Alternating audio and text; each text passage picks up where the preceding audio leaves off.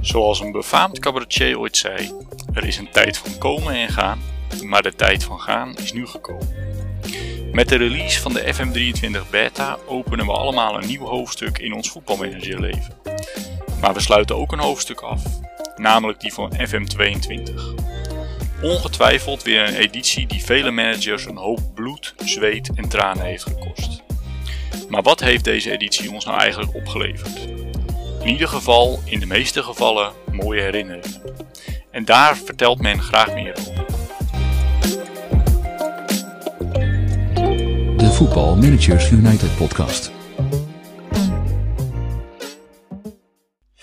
Hallo lieve luisteraars en welkom bij alweer een nieuwe aflevering van de Voetbal Managers United podcast. Mijn naam is Fabian en vandaag zijn Jurovski, Björn, Bogatier, Peter en Karel mijn merel, kraai, mus, spreeuw en koolmees bij mijn vogeltelling. Vandaag dus een iets wat speciale aflevering. We deden namelijk een tijd geleden een oproep op het Managers United forum om jouw FM22 in vogelvlucht te vertellen. Nu zul je denken, zitten ze dan in een mutjevolle meeting met z'n allen deze aflevering op te nemen? Maar ik kan jullie geruststellen, dat is namelijk niet het geval. We hebben namelijk onze luisteraars gevraagd om de stukjes vooraf op te nemen en in te sturen. We gaan dus zometeen één voor één luisteren naar de FM22 in vogelvlucht van Jurovski, Björn, Bogatier, Peter en Karel. Maar omdat we in een reguliere aflevering zitten, laat ik jullie ook vandaag niet zonder inspiratie achter. En dat betekent dat we na de ingeschonden stukjes nog even bij ondergetekende terugkeren om jullie van een speler, club en boek van de week te voorzien. Veel luisterplezier alvast en hopelijk tot zometeen. It's just the most extraordinary scenario you could have dreamt of. The unthinkable unfolds before our eyes. FM 22 in vogelvlucht. Fantasy. Hi, mijn naam is Björn, Fantasy op het forum.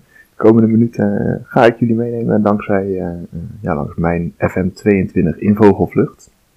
Waar we natuurlijk een oproep hebben gehad op het forum. Met een aantal vragen daarbij.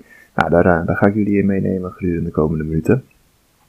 de teller van het aantal uren dat ik FM open heb gestaan, ik zeg het wel correct, is ruim 1700 uur.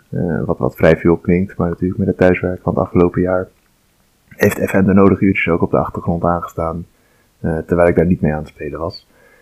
Uh, dus ja, in de praktijk gok ik dat het iets minder actieve FM-uurtjes zijn geweest. toen dat de, de, beta uitkwam, ben ik eigenlijk direct begonnen met Afturelding. dus dat was mijn eerste game. Wat ook direct mijn laatste en langste save game is geweest. Ik ben toen, toen uh, eind oktober daar al mee begonnen vorig jaar. Dat is inmiddels letterlijk 12 maanden geleden. Uh, en daar ben ik eigenlijk nooit meer weggegaan. Inmiddels zitten we in 2052. Uh, zijn we meervoudig Champions League winnaar en hebben ons helemaal opgeklommen van nou, de, krochten van het IJslandse voetbal. Tot aan waar we nu staan eigenlijk als ja, nummer 1 club binnen Europa. veelvoudig Champions League winnaar. Waarbij eigenlijk ook alle sterspelers van de wereld nou, wel naar, naar IJsland willen komen. En we zelfs ook inmiddels terug te vinden zijn op de derde plek van de coëfficiëntenranglijst in Europa. Dus er gaan jaarlijks vier clubs de groepsfase van de Champions League in inmiddels. Uh, ja, dat, dat was toch ook wel een beetje het doel van, mijn, uh, van deze game als het ware. Om eigenlijk het IJslandse voetbal tot, tot, tot de mondiale top te gaan laten behoren. Ja, ik durf wel te zeggen dat dat inmiddels aardig gelukt is met ook andere clubs als IA en Breidablik, Fjolnir, die, die, die ook Europees succes hebben weten te behalen, prijs hebben weten te pakken. Dus ja, al met al kan ik wel goed en tevreden terugkijken op deze FM22. Waarbij eigenlijk de mooiste wedstrijd voor mij niet eens een, Champions League finale is geweest die we gewonnen hebben. Maar ik denk eigenlijk als ik naar Afturelding kijk de gewonnen Europa League finale in 2038. Uh, eh, Hertha BSC was daarin de tegenstander. In het echt doen ze het een stuk minder dan in FM altijd. Maar het geld wat daar in de club gepompt wordt, dat wordt goed besteed. Dus zo, zodoende bereikte zij ook veelvuldig dus de finale in de Europa League, later ook in de Champions League. Maar dat was onze eerste Europese prijs. wat ik zei, later wonnen we nog, nog meerdere malen de Champions League ook. Maar na, na een jaar of 15, we, toen dat ik bij Afturelding zat en dus de Europa League finale bereikte, wonnen we die ook meteen. Dus ik denk dat dat voor mij toch wel een van de mooiste wedstrijden is van de afgelopen FM, FM 22. waarbij eigenlijk ook mijn favoriete aankoop denk ik, uh, Jesus Angel Salas. Uh, de naam is natuurlijk ook al wel, uh, hij, lekker als het ware. Die kochten we in 2034, sorry, van Almeria. Voor maar 4,1 miljoen. een groot talent was dat daar, maar hij wilde daar ook al direct op jonge leeftijd een miljoenen contract ondertekenen. nou, dat, dat wilden ze daar niet bij, de, bij, bij Almeria. Dus konden we voor, voor 4,1 miljoen slechts uh, oppikken uit Spanje. Uh, waar ik dan ook gretig gebruik van maakte. Inmiddels zijn we een jaar of 18 verder, uh, is hij 37. Maar nog altijd nou, staat hij echt wel wekelijks binnen de lijnen. Dan wel als defensieve middenvelder, dan wel centraal in de achterhoede, waar hij allebei goed, goed kan spelen. in de competitie heeft hij meer dan 275 wedstrijden gespeeld. met alle bekerwedstrijden en, en Europese duels daarbij. Nou, gaat dat misschien nog wel keer twee. Uh, en helaas heeft hij nu wel aangegeven met, uh, met voetbalpensioen te gaan. Dus uh, we kunnen nog een paar maandjes van hem genieten. maar dan hangt hij toch echt de schoenen aan de wilgen. Maar misschien dat er nog wel een mooi plekje ergens binnen de staf voor hem te vinden valt. Want eigenlijk zijn zijn hele functie als, als nou, stop op het middenveld of, of centraal achterin. is ook wel een essentieel onderdeel van de tactiek die ik eigenlijk gehanteerd heb. nou, zo goed als de hele game. Dat is een 4-2-3-1 formatie. Die ik eigenlijk een beetje geleend heb uh, van Carlo. Uh, die zijn tactiek instuurde voor Clash of the Tactics toen. Uh, en daar ook succesvol mee was. Dus ik dacht, nou, dat werkt. Daar ga ik op voortborduren. Beter goed gejat dan slecht bedacht, zullen we maar zeggen. dus eigenlijk met twee defensieve middenvelders. en twee voetballende verdedigers, de centrale verdedigers daarachter. die, die eigenlijk nou, de hele achterhoede vormgeven. Want de, de inverted wingbacks die vullen de leegtes op het middenveld verderop uh, en, en, zorgen voor de aanvoer richting de vier voorwaartse spelers. Eigenlijk twee buitenspelers, een tien en een diepe spits. Uh, ja, en, de spits die heeft maar één doel, dat is doelpunt te maken. En die drie daarachter en omheen, uh, ja, die vullen de rest al in. En dat werkt als een trein, dus daar heb ik zelf in die tactiek van Carlo nog wat kleine aanpassingen gedaan. Om dat ook op mijn spelers af te stemmen. Maar per saldo ja, heeft dat goed succes opgeleverd, zullen we maar zeggen. Uh, want als ik dan kijk naar, naar de beste speler, de beste wonderkid en de beste new gen, uh, dan is dat eigenlijk drie keer dezelfde twee spelers. Uh, want daarin heb ik gekozen voor Angelo Anselmi en Mehmet Yildirim. Dat zijn de twee spelers die zeggen jullie niks, want dat zijn allebei new gens die we hebben gekocht. Die ik heb gekocht bij Afturelding. Angelo Anselmi is een spits uit Italië, 25 jaar inmiddels die we al uh, op hele jonge leeftijd voor 50 miljoen euro wegkochten bij Inter. Hij had daar nog nooit een minuut in het eerste gespeeld, maar nou, hij had toen al zulke attributen waarvan ik dacht, uh, daar, daar ga ik mee aan de slag. Uh, en inmiddels is hij 25 en, en schiet hij de ene na het andere erin. Vorig jaar maakte hij in een, in een kalenderjaartijd 70 doelpunten. Nou, bij een competitie in IJsland waar maar 22 wedstrijden worden gespeeld, uh, kun je best uitrekenen wat voor een gemiddelde dat uh, geweest is. Met uh, nog wel wat competitie of wat bekerduels daarbij natuurlijk ook, excuus. Um, en de Europese wedstrijden waarin hij ook nou, altijd wel in de punt van de aanval stond. maar met Yildirim, die is inmiddels 34, die haalden wij ook op redelijk jonge leeftijd al in 2038 voor maar 17,5 miljoen. bij Galatasaray. Dat was daar zijn ontsnappingsclausule. Uh, en dat was, nou, als ik Galatasaray was, had ik daar al heel erg spijt van gehad.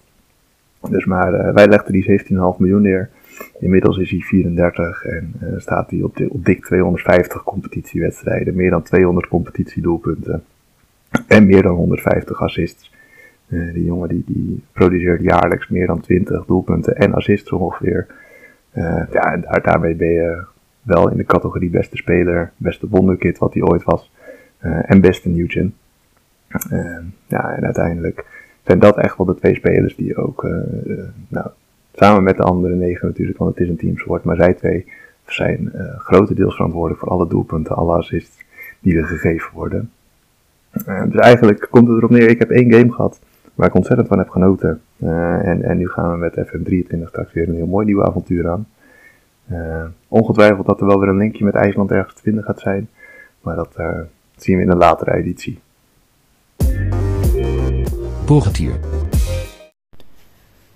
Aantal uren gespeeld. 1628 uur. Valt nog mee, denk ik dan. Mijn eerste save zal met Dynamo Dresden geweest zijn. Begonnen in de Duitse derde klasse, derde Bundesliga, opgewerkt naar de Bundesliga zelf. Stuk of 7, 8, misschien 9 keer Champions League gewonnen. Uh, Beker van Duitsland ook toch wel een uh, aardig aantal keren gewonnen. Um, de Bundesliga zelf ook een stuk of 8, 9 keer. Dit was ook um, ja, tevens mijn langste save. Mijn mooiste wedstrijd, dat zal denk ik toch ook bij Dynamo Dresden geweest zijn in de Champions League finale, waar mijn um, jeugdproduct, die voor de eerste keer mocht meedoen, de winning goal gemaakt heeft. Mijn favoriete aankoop moet toch wel Uriel Celi zijn, een Peruviaans talent van Cantolao in de Peruviaanse eerste divisie. Die gast is uh, niet normaal. Mijn favoriete tactiek, dan denk ik sowieso een 4-2-3-1. Uh, met spits dus, uh, Guido, sorry. Um, ja, een eigen variant eigenlijk ervan. Mijn favoriete speler was toch wel Filip Mekic, een Servische of Bosnische spits, die ik had weggehaald met Dynamo Dresden bij Werder Bremen. Die gast had drie keer tegen mij gescoord, daar kon ik niet tegen, dus ik ben die zelf gaan halen. Beste wonderkind, dan um, moet ik meteen denken aan Max Novikov, een 15-jarige Oostenrijker, denk ik, dat ik was gaan weghalen bij Lask in Oostenrijk, bij het jeugdteam. Ik denk dat hem volgens mij al bij het eerste team zat. Um, ja, hij staat ook bij de beste regens ooit in uh, het topic op het forum. Mijn dreamteam is eigenlijk heel mijn team van mijn carrière met Dynamo Dresden. Um, ja, zo wordt het wel eentonig natuurlijk, maar ja, ik kan niks anders zeggen. Dus, uh... Mijn grootste mislukking, dan denk ik dat het in dezelfde save met Dynamo Dresden was. Dat ik in de eerste ronde van de Duitse beker tegen mijn grootste rivaal Dresden SC 1898 meteen eruit lag um, met een elftal op volle sterkte. Dat was toch wel uh, ja, beschamend. Jurovski. Barry, oftewel Jurovski hier, aantal uur gespeeld. Te weinig, de laatste twee, drie jaar al veel te weinig. Komt door de oude computer, nu een laptop. Hoop met 23 weer genoeg tijd te hebben. Eerste save game, langste save game. Ja, dat blijft uh, bij FM 18. Want dat speel ik nog altijd. Toch Borussia Neunkirchen nog altijd. Mooiste wedstrijd, de Champions League finale. Als je een ploeg van het zesde niveau van Duitsland begint te coachen en je wordt dan kampioen van Europa. Uiteindelijk ook nog de beste van de wereld. Maar dan blijft die Champions League finale toch wel de mooiste. Favoriete aankoop, dat zijn er twee. Shabab Morari en Nico Ederer. Allebei lopen ze nu al zes jaar bij de club rond. Gehaald voor zo'n 5 ton. Een van Leverkusen, de andere Gruttevuurt. En zijn nu een van de beste spelers in het spel. Meest gebruikte tactiek 4-2-3-1. speel ik eigenlijk altijd. Waarbij het centrale middenveldduo bestaat uit een Mezalla en een Carrilero. Rollen die niet veel worden gebruikt. Maar ik zweer erbij, ik vind het geweldig. De beste speler. Kai Havertz in dit spel. Wil helaas nog altijd niet naar mij toe komen. Ik heb het geld. Kan hem betalen. Ben eruit met United. Hij weet zelf alleen niet. Beste wonderkid. Denk dan toch ook Havertz. Ik begon als een groot talent in FM18. Beste Nieuwgen. Ja, dat zijn er heel veel in dit spel. In mijn save. Waar ik er dan toch eentje moet kiezen. Bentahar. Ondanks dat hij deze save, of dit jaar, laatste seizoen, zit hij eigenlijk alleen maar in de kroeg. Maar ja goed, ook dan kun je natuurlijk nog altijd de beste Newgen zijn. Dus um, ja, dat is het eigenlijk voor deze editie wel. En dan hoop ik in 23 eindelijk weer eens vol uh, terug te kunnen komen. Peter. Lieve luisteraars, mijn naam is Peter. Ik ben een aantal keer te gast geweest in de podcast en ik vertel graag over mijn belevenissen in voetbalmanager dit jaar. Het begon allemaal met de release van de beta. Game was al even van tevoren via de website van Man United met korting besteld en toen de beta live ging werd er direct een game aangeslingerd. Diploma's, nul, ervaring, geen. Ik had een idee in mijn hoofd zitten en ben gewoon direct in het diepe gesprongen. Eerlijk, ik heb de laatste 20 jaar geen game overgeslagen, dus dat diepe is natuurlijk relatief. Wel heb ik er lang in liggen weken in dat diepe, want ik neem jullie mee op een avontuur dat volgens voetbalmanager al meer dan 100 dagen duurt en ons brengt tot een koude wintermaand in 2060. FC Badak Lampung uit Indonesië durft het aan. Een avontuur met een ambitieuze manager, maar wel zonder opleiding, op het tweede niveau van Indonesië. De ploeg had geen geld, nauwelijks een selectie en al een tijdje geen ambities meer voor de korte termijn. Overleven was het credo. Negen maanden na de aanstelling van deze onbekende, onbeduidende Nederlander was de titel op het tweede niveau en daarmee promotie naar het hoogste niveau een feit. De ambities van de manager? Beste manager ter wereld worden, dus nummer 1 in de Hall of Fame. En op elk continent de Champions League winnen. Als promovendus werd ook direct de titel op het hoogste niveau gepakt. En na vijf fantastische seizoenen met deze manager was heel Indonesië het wel eens. Valt me toppen. Ik werd vervolgens part-time bondscoach van Indonesië, terwijl ik manager bleef van Badak Lampung. Hoewel echte successen met het nationale team uitbleven, al deed ik het daar wel naar behoren, waren de successen met de club niet bij te houden. De Aziatische Confederations Cup, de Aziatische equivalent van de Europa League, werd binnengeharkt en zowel de Nationale Supercup als de Nationale Beker en de Nationale Titel werden driemaal gewonnen. Tijd om verder te kijken. Een mooie stap kwam er in het seizoen 2025-2026. De Australische ploeg Sydney FC durfde het aan met me en nadat we in het eerste jaar richting het einde van het seizoen instapten in de E-League en de ploeg van de laatste plaats af wisten te helpen, werden er wederom grote successen geboekt. Een bijzondere competitie die E-League, met allemaal bijzondere regeltjes, maar we wisten wel te winnen. Drie keer op rij. De nationale beker wonnen we twee keer. En in ons vierde seizoen in Australië, eigenlijk het derde volledige seizoen, werd de Aziatische Champions League gewonnen. Deel 1 van de vijf van mijn droom was binnen en als manager stond ik nu echt op de kaart. Het transfer volgde er naar het Argentijnse Newell's Old Boys. De financiële situatie al daar was helaas echt verschrikkelijk, dus echt meedingen om de prijzen konden we niet. Wel wist ik de ploeg uit de financiële problemen te helpen en nadat we op plek 2 stonden in het derde seizoen, werd er een contract getekend in de Major League Soccer Portland Timbers werd mijn experiment in de competitie met al die rare regeltjes. Nog meer rare regeltjes dan in de E-League. Het wende echter snel en het beviel me goed. Al werd vanaf hier de focus wel iets verlegd. Niet alleen wilde ik de Pentagon en Journeyman Challenge veroveren, ook wilde ik de Poképlayer Challenge voltooien. Uit ieder land ter wereld een speler onder je hoede hebben die minimaal 20 duel speelt voor je. Kleine spoiler alert. In 2060 heb ik nummer 188 afgeteerd. We zijn er echt nog niet. Bij Portland had ik de tijd van mijn leven. In vijf seizoenen werden er 13 prijzen binnengehaald. Er stond er een team dat echt veruit de beste van het land was. Uiteindelijk wisten we ook de Champions League te pakken in het vijfde seizoen. Waarna ik in 2035 een kans kreeg bij AC Milan. Met pijn in het hart zou ik afscheid nemen van de MLS. Maar ik ben de competitie gaan waarderen. Ik ga hier echt nog terugkomen. Eén heel seizoen.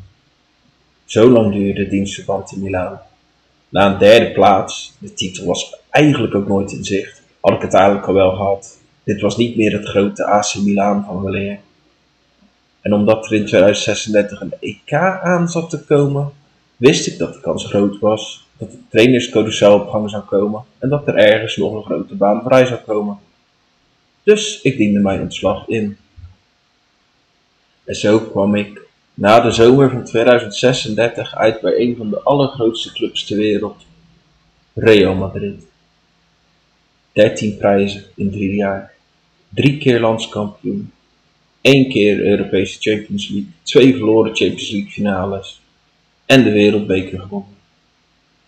Maar het kon me niet bekoren.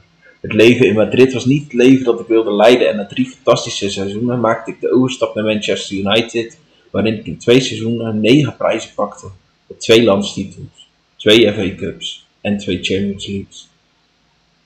Maar ook daar nam ik al vrij snel afstand. Het plezier werd wat minder, de uitdaging leek weg. Er moest meer focus op de Poképlayer Challenge dan wat ik zin in had, en er kwam eigenlijk ook geen mooie baan vrij om nog een ontbrekende Champions League te pakken. In de Hall of maakte ik uiteraard snel stappen, maar kwam ik nog steeds ruim 2000 punten tekort voor plek 1. Wat nu? Drie jaar lang was ik bondscoach van Spanje. Met een wereldtitel en een Nations League winst. Een contract werd getekend bij de Boca Juniors, terug in Argentinië dus. Het zwalkende Boca werd financieel en sportief uit het slop getrokken.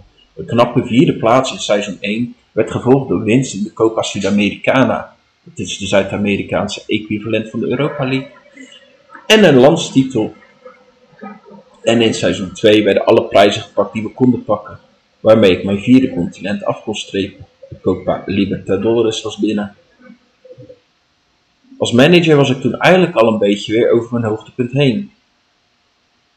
En zat ik te wachten op Afrika, maar daar kwam zo weinig vrij.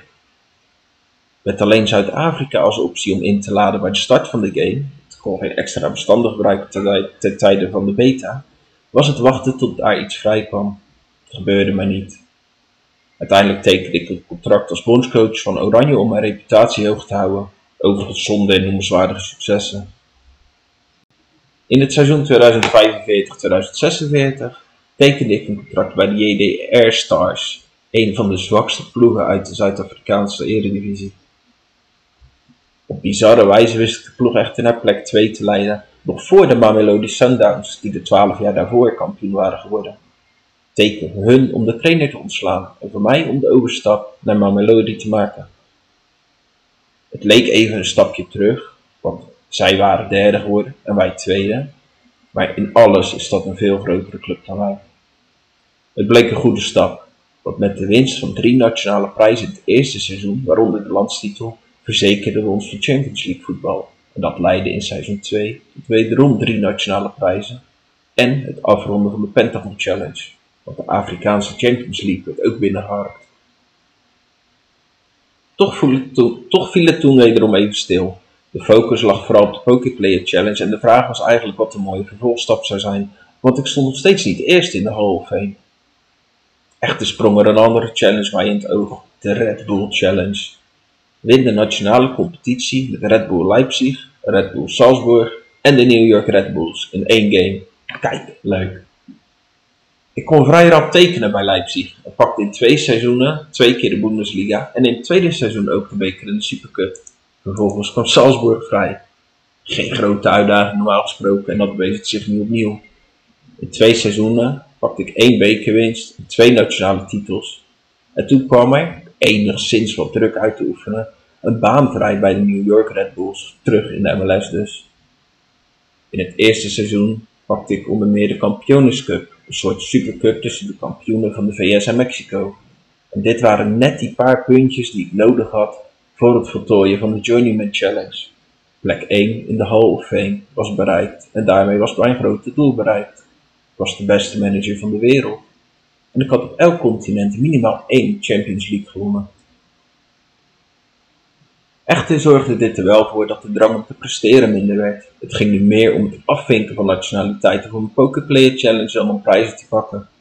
En na zes jaar MLS en slechts 11 prijzen, waaronder twee landstitels en één Champions League, werd er een minder succesvol jaar bij Feyenoord achteraan geplakt. En sinds het seizoen 2058-59 ben ik manager van de Iron Brew Rangers uit Hongkong. Afbouwen noemen ze dat. Ondertussen probeer ik die laatste, het zal het zijn, stuk of dertig landen nog af te vinken, voor ik met een welverdiend pensioen kan gaan. En dus, lieve luisteraars, blaas ik hier in november 2060 wat kaarsjes uit en ga ik eens lekker tukken. Nee hoor, dit was het nog niet. Ik kan nog uren vertellen over mijn andere grote game met San Marino en Juventus Dogana, waarin ik San Marino tot de top probeer te laten behoren. Maar ik zal het kort houden. Ik zit in 2040, het lukt me nog niet om te plaatsen voor een Europese eindronde met het nationale elftal. Met de club Juventus Dogana uit de San Marinese competitie heb ik al wel een verloren Europa League finale en een paar keer kwartfinale Champions League op mijn naam staan. Maar deze challenge ga ik ook zeker niet voltooien voor de release van FM23. En als ik door had gespeeld, waarschijnlijk ook niet voor die van FM24. Volgens Steam zit ik inmiddels aan de 638 uur, maar het voelt als een lifetime. Ik speel vaak zonder internetverbinding, dus ik vermoed dat het wel ergens tegen de 1000 uur zal liggen. Het gebeurt ook wel regelmatig dat de laptop aanstaat zonder dat ik speel. En dan loopt die teller ook door. Dus het is wel wat lastig inschatten. Mag geen verrassing zijn, maar mijn Journeyman is de eerste game die ik startte. En ook de game waar ik het verst ben gekomen. 2060 dus. En hij loopt nog steeds. Mijn mooiste wedstrijd is misschien niet eens echt een wedstrijd. Ik ben iemand die ervan houdt om te domineren in het spel. Daarom kies ik voor mijn mooiste wedstrijd een oefenwedstrijdje met Real Madrid. Tegen een tegenstander waar ik de namen niet van kan herinneren in een jaartal dat ik niet meer weet. Waarom dan? Heel simpel. Ik had nooit voor mogelijk gehouden dat je in FM de 30 kon halen. Maar ik won met 32-0.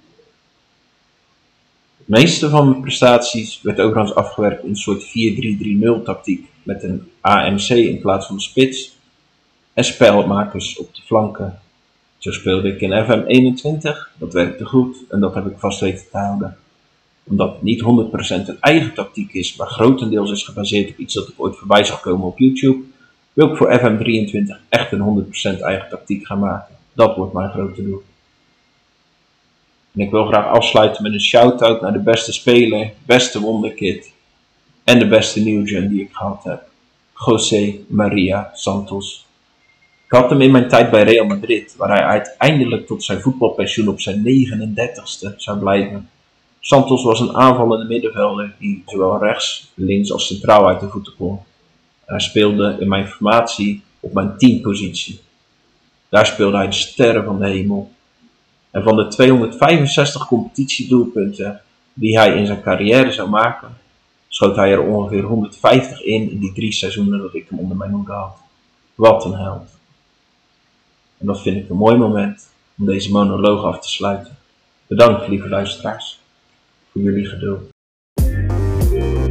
Kiriel. Beste luisteraar van de Managers United podcast. Dit is Kirill Goosef van Karel, bekend op het forum. En mijn FM22 in Vogelvlucht. Aantal uur gespeeld, 856 uur. Eerste save game was met Chelsea, waarbij ik onder andere ook bij uh, Arsenal terecht kwam, Liverpool, noemen Old Boys, Genoa en meer. En de langste save game is eigenlijk ook volgens mij die. Ik ben tot januari, februari 2040 gekomen. Voor mij nog nooit zo, nog nooit zo lange save game gehad. Mooiste wedstrijd. Uh, ja, de, de Champions League winnen met, uh, met Arsenal eerste keer. En dat was.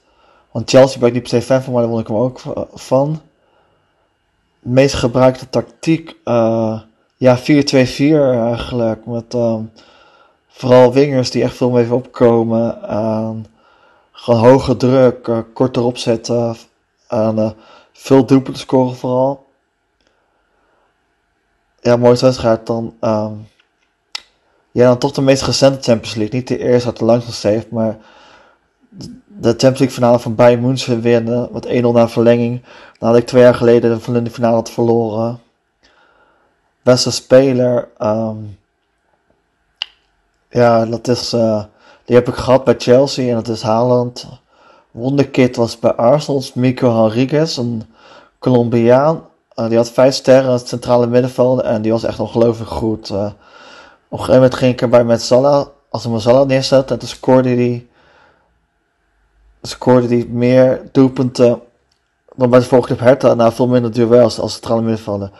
Oh, sorry, dat is trouwens best een nieuw gym. Beste wonderkid. Uh, uh, ja, Jude Bellingham, die heb ik ook gehad. Grootste blunder, ja, ontslagen geworden bij Liverpool. Terwijl ik moest even komen vijf wel 13 punten halen. Nee, 12 punten halen, maar ik haalde 13. En in één keer ontslagen. Terwijl ik er gewoon als gewoon 4 winst, 2 gelijk of zo. Um, Dreamteam, moeilijke.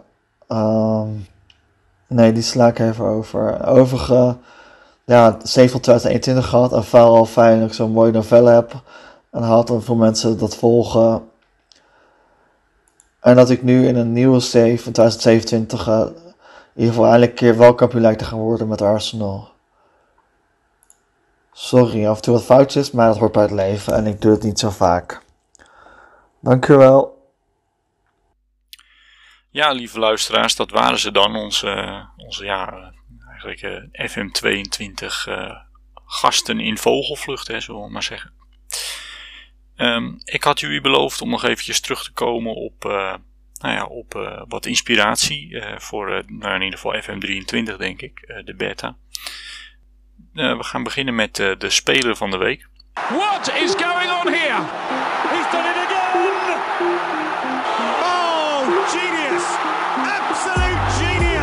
De van de week. Ja, voor de speler van de week heb ik eigenlijk gekozen voor, voor iemand die, die ja, uh, nou, wel redelijk ondergewaardeerd is, denk ik. Maar ook iemand die uh, op positie speelt waar nog niet heel veel spelers van de week uh, zijn geweest. Ik heb het over de Duitse doelman uh, Lino Kasten. Um, ook wel bekend in het spel als Lino, L-I-N-O. is een 21-jarige doelman die, die voorheen gespeeld heeft bij VfL Wolfsburg. Um, maar ook uh, bij Sankt Polten uh, een aantal wedstrijden heeft gespeeld. Daar eigenlijk wel redelijk goed heeft gedaan. Ook uh, een Duits jeugd international geweest. Um, ja, en wat opvalt is dat hij bij Wolfsburg is weggegaan sinds 1 september 2022. Zijn contract liep af. En sindsdien heeft hij eigenlijk nog geen nieuwe club gevonden. En dat is best wel bijzonder aangezien het hier om een 21-jarige, nou ja, toch wel relatief talentvolle doelman gaat. Kijk, we kunnen niet stellen dat hij waarschijnlijk in de basis zal staan bij, uh, bij een Ajax of Manchester United. Uh, maar het is wel, een, denk ik, een goede doelman voor, voor veel subtoppers of, of middenmotors in verschillende competities die wel een stapje omhoog willen kijken, zeg maar. Ehm, ik denk dat hij daar heel geschikt voor is. En ja, als je daarnaar kijkt, ook, hij is dus transfervrij, gratis op te halen. Er zit ook nog wat potentieel in. is niet blessuregevoelig. Um, ja, en heeft daarnaast ook nog wel een aardige, aardige stads al op dit moment. Mentaal zal er nog wel wat, wat, wat, wat aan gewerkt kunnen worden, zeg maar. Maar ik denk dat dit gewoon een hele geschikte doelman is voor veel, voor veel teams. En ja, ik denk dat je met, met Lino Kasten dus een, ja, een heel goede doelman kan halen voor je elftal als je daar nog, als je daar nog wat verbetering in nodig hebt. Uh, dan hoppen we gelijk ook door naar de, de, de club van de week. Brilliant! Just brilliant! He gave that the works. Oh, what about that? What about that? De club van de week. Ja, daar heb ik gekozen voor uh, Velkerk FC. Dat is een club die eigenlijk nooit echt een grote naam is geweest in het uh, Schotse voetbal. Uh, maar wel eentje die het eigenlijk wel eens verdient om eens goed onder handen genomen te worden door een van uh, jullie succesvolle managers. Want ja, ze hebben eigenlijk nooit in de Schotse Premier League gespeeld. De supporters wachten eigenlijk al heel lang op een, op op een verblijf in de Schotse Premier League. ze hebben namelijk zeven jaar op rij achter het net gevist om te promoveren naar deze, naar deze Schotse Premier League. En daarna werden ze eigenlijk ineens uit de Championship, wat het, uh, wat het op een hoogste niveau is van Schotland, ja, werden ze ineens naar de, de, de, League One ge, gedegradeerd. En ja, dat is toch wel pijnlijk. Dat is het derde niveau in, in Schotland. Um, en, en, en, en wederom, ja, dat is nog het allerpijnlijkste, werd er in dat jaar dat volgde weer naast promotie gegrepen in, in, die, in die league. Dus het lijkt wel alsof dit een club is die maar niet kan promoveren. als je dan gaat kijken hoe hebben ze het afgelopen jaar gedaan. Ehm, ja, toch wel weer een beetje pijnlijk. Ze werden zesde. En, en ja, die competitie die is niet zo groot. Want die, die Scottish League One die bestaat uit uh, tien teams. En, en ja, als je dan een beetje onderin eindigt, dan kan het ook zomaar zijn dat je dus je, dat je, dus je kansen verliest. Uh, overigens moet ik eerlijk zeggen dat ze dit jaar wel weer goed begonnen zijn. Ze hebben 13 wedstrijden gespeeld, staan op dit moment op de derde plaats. Dus het gaat alweer iets beter. Maar dat geeft ook maar weer aan dat er weer potentieel in zit. Ja, om die jongens uh, op te pakken en, uh, en er een mooie, mooie run richting de Scottish Premier League van te maken. Um, ook nog een leuk weetje, want daar houden we natuurlijk allemaal van. Club van de Week moet er ook een, een, een ja, toch wel een, nog een reden bij zitten. Waarom je thuis kan vertellen waarom je voor deze club gekozen hebt. Dat is dat deze club in 19 2022 het transferrecord brak door de aankoop van Sid Puddevoet, speler van West Ham toen ter tijd. Um, ja, Engels International was heel erg bekend. En uh, ze hadden aangegeven dat ze maar liefst 5000 Engelse ponden wilden betalen voor deze Sid Puddevoet. Ja, en, en, na dus die 5000 uh, ponden wordt het eigenlijk nog interessanter. Want wat het dus inhield was dat ook de speler nog eens 1000 pond kreeg voor zijn transfer. En ja, met de huidige inflatie, eh, we kunnen het bijna niet geloven. Maar de beste man kreeg dus 10 pond per week om te voetballen voor, uh, voor Falkirk FC. Uh, maar, maar, let wel, als er gewonnen werd, dan kwam daar nog iets bovenop. Want dan kreeg hij maar liefst 2 Engelse ponden. En als er gelijk werd gespeeld, kreeg hij 1 Engels pond. Uh, ja, ja, dat zijn toch wel de bedragen waarvoor je deed, denk ik, in die tijd. 1922 hebben we het over. Ja, Sid Puddevoet dus, die vanuit West Ham nou ja, naar Velkirk FC wilde komen. Wat ook nog wel interessant is om te melden, is dat ze best wel een goede jeugdopleiding hebben. er zitten een aantal goede spelers die gewoon ervaren zijn, die, die, die het team kunnen trekken.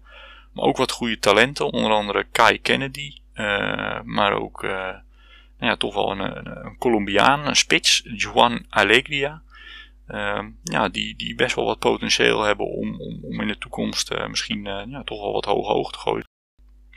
De trainingsfaciliteiten zijn ook uitstekend en het stadion daar past toch wel bijna 8000 man in. Dus ja, er zit best wel wat potentieel in, in deze club. En ja, dat is zeker een mooie kans denk ik om, om manager van te worden.